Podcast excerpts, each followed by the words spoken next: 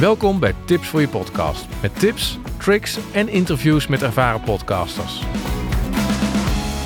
Hey, leuk dat je weer luistert. Dit keer gaan we het hebben over podcast editing. De audio nabewerking van je podcastopname. Een belangrijke stap waarin je niet alleen alle oninteressante stukjes uit je opname knipt, maar ook het geluid oppoetst zodat het door je luisteraar in elke setting goed te verstaan is. Of die nou rustig op de bank zit te luisteren of in de auto onderweg is. Wat gaan we doen? Eerst leg ik je uit wat audio editing eigenlijk is en welke tools je ervoor kunt gebruiken. In het tweede deel van deze podcast doorloop ik samen met jou de vier stappen om van ruwe opname tot een afgemixte podcastaflevering te komen. Ben je klaar voor?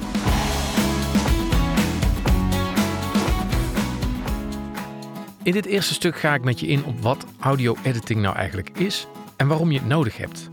Daarna ga ik in op welke tooling, welke software je nou kunt gebruiken voor audio editing. Wat is audio editing? Audio editing, montage of nabewerking, allemaal termen die hetzelfde betekenen. En dat zijn twee dingen.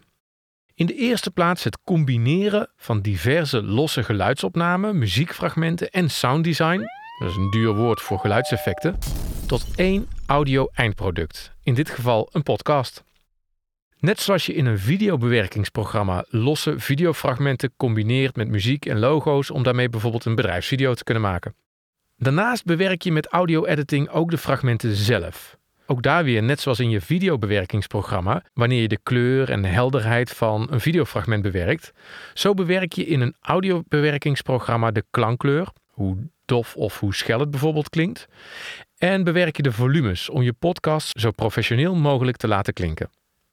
En daarmee heb ik eigenlijk al meteen antwoord gegeven op de vraag waarom je aandacht besteedt aan je audio-edit. De tijd dat een podcast een kwestie was van je recorder aanzetten, drie kwartier kletsen en dat online zetten, ligt door de professionalisering van de podcastwereld inmiddels gelukkig achter ons. De luisteraar verwacht een strak afgewerkt, goed klinkend eindproduct en daar zorg je onder andere in de montage voor. Daarnaast biedt de editfase je de mogelijkheid om de manier waarop je je podcast brengt te manipuleren, waardoor je boodschap krachtiger overkomt. Door gebruik te maken van storytelling technieken kun je je luisteraar beter boeien en binden. Zo kun je bijvoorbeeld een interview met opgenomen vragen en antwoorden zo bewerken dat je de vragen weglaat en het voor de luisteraar als een monoloog lijkt. Zo kun je het verhaal van de geïnterviewde krachtiger overbrengen. Dan de tooling. Dan is natuurlijk de vraag: waar doe je dat monteren van audio nou in? De software die je daarvoor gebruikt heet een Digital Audio Workstation, oftewel een DAW. Er zijn diverse gratis en betaalde programma's op de markt met heel beperkte of juist enorm uitgebreide functies. Veel functies die je voor podcasting trouwens helemaal niet nodig hebt. Een veel door beginnend podcasters gebruikt gratis programma is Audacity. Het is een gratis programma, open source, met veel mogelijkheden, maar de workflow is niet echt ideaal voor podcasting.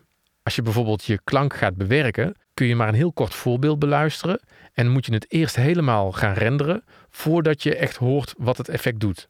Veel wachttijd dus. Er bestaat ook een speciaal radio- en podcastprogramma, Hindenburg. Maar dit is wanneer je wat meer features wilt, een prijzig pakket. We kijken daarom vooral naar programma's die ook gebruikt worden door sounddesigners en muzikanten. Voorbeelden zijn Pro Tools, Cubase, Logic en Studio One. Eigenlijk zijn ze allemaal geschikt voor wat we willen. Elke DAW of audiobewerkingsprogramma bestaat uit de volgende hoofdonderdelen. De timeline of tijdbalk die de tijd en specifieke momenten van het project weergeeft. De transport controls, om het maar in mooi Nederlands te zeggen. Dit zijn de knoppen waarmee je naar voren en naar achter in je project kunt, kunt afspelen, kunt opnemen en kunt stoppen. En tenslotte je sporen of je tracks, waarop verschillende geluiden tegelijkertijd te horen kunnen zijn. Zie het als een groot virtueel mengpaneel waarop je jouw stemgeluid en de muziek van de jingle bijvoorbeeld door elkaar kunt mixen. Ik hoop dat je nu een beter beeld hebt, of ja, eigenlijk geluid natuurlijk, van wat audio editing eigenlijk is en hoe het er in grote lijnen uitziet. Dan kunnen we op naar deel 2, de vier stappen in het editingproces.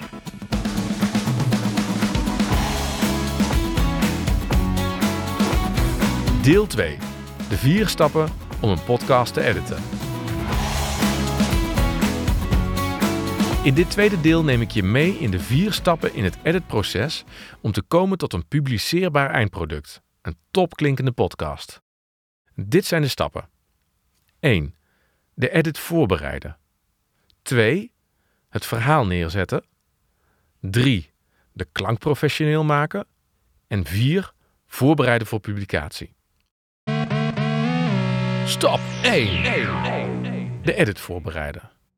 Als eerste ga je in de tool die jij gebruikt voor uh, jouw podcast editing, of dat nou Audacity is, of Audition van Adobe, of Studio One van Presonus zoals ik gebruik, maakt niet uit waar je ook in werkt. Je begint met het aanmaken van een project. Vervolgens moet je het audiomateriaal verzamelen. Dus je hebt natuurlijk je spraakmateriaal, bijvoorbeeld je interviews. Je hebt je jingles. Misschien heb je een voice-over van een vast intro. Die kun je allemaal verzamelen. En even een tip: zorg dan dat je dat allemaal in een apart mapje opslaat. Zodat als je je computer een keer gaat opschonen, dat je dan niet alles ineens kwijt bent. Nou, als je die bestanden allemaal verzameld hebt en je hebt je project, je opent dus je project in je tool, dan sleep je al die bestanden in die tool en maakt die vanzelf sporen aan met die bestanden. Wat elke tool dan standaard doet, is alle bestanden gewoon op de eerste tel laten beginnen. En daarom gaan we naar stap 2. Het verhaal neerzetten. En met verhaal neerzetten bedoel ik eigenlijk de montage in tijd uitgezet. Dus wat we gaan doen is, we beginnen die podcast bijvoorbeeld met de jingle. Dan zetten we die eerst.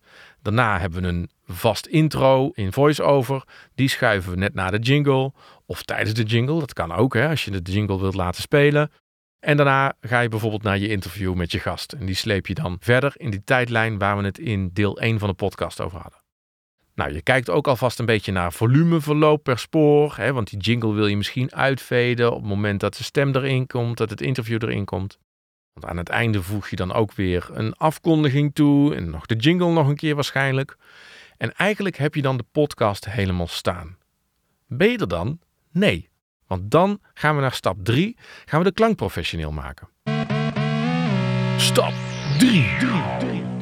De klank professioneel maken. Om er nou voor te zorgen dat jouw podcast overal even goed te verstaan is en dat die gewoon lekker klinkt, gaan we in stap 3 wat aan de klank doen. We gaan de volumes helemaal goed afregelen, dus dat de muziek en de stemmen niet te hard of te zacht ten opzichte van elkaar zijn. Dus dat dat mooi geleveld is, zoals we dat noemen.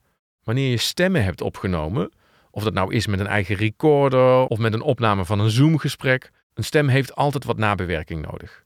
Dat doen we met een equalizer, waarbij we ongewenste frequenties gaan we wegsnijden. Sommige frequenties die gaan we misschien accentueren. En we gaan het volume meer gelijkmatig maken met compressie. Ik loop er even gewoon wat sneller doorheen. Wil je daar nou meer over weten? Kom ik straks op terug. Wat we in deze stap ook doen is oneffenheden verwijderen. Als iemand een keer tegen een tafel stoten, er weghaalt of iemand verslikte zich, die kun je hier allemaal weghalen in deze stap. Nou, dan hebben we eigenlijk na deze stap de podcast helemaal staan. En kunnen we hem gaan voorbereiden voor publicatie. Stap 4. Voorbereiden voor publicatie. We hebben dan nog twee dingen te doen. In de laatste stap ga je nog eventjes kijken van is die hele podcast nu zacht of hard genoeg? Het is maar net hoe je het bekijkt. Wat je daar vaak doet, is je kunt nog wat extra compressie toevoegen om het volume meer gelijkmatig te krijgen. En wat je in ieder geval gaat doen, is zorgen dat je podcast niet te hard wordt in deze stap. Het voert voor nu te ver om dat allemaal in detail te gaan bespreken, maar dat is wat je in deze stap doet. Tweede wat je in deze stap doet, is het exporteren. Je kunt vanuit elke tool exporteren naar verschillende bestandsformaten. De meest gangbare in de audiowereld zijn WAV, dat is de beste kwaliteit, maar ook een heel groot bestand. En MP3. Wat je dan hebt is een veel kleiner bestand, maar die is wel compatible met de meeste podcast hosting platforms. Anchor bijvoorbeeld, een veel gebruikt podcastplatform, slikt geen WAV, maar wel MP3. Het is wel belangrijk dat je dan de hoogste bitrate of de hoogste resolutie kiest van 320 kilobyte per seconde. Want anders luisteren mensen naar een digitaal blikkerig geluid. En dat willen we ook niet. En daarmee zijn we aan het einde gekomen van deze aflevering over podcast editing.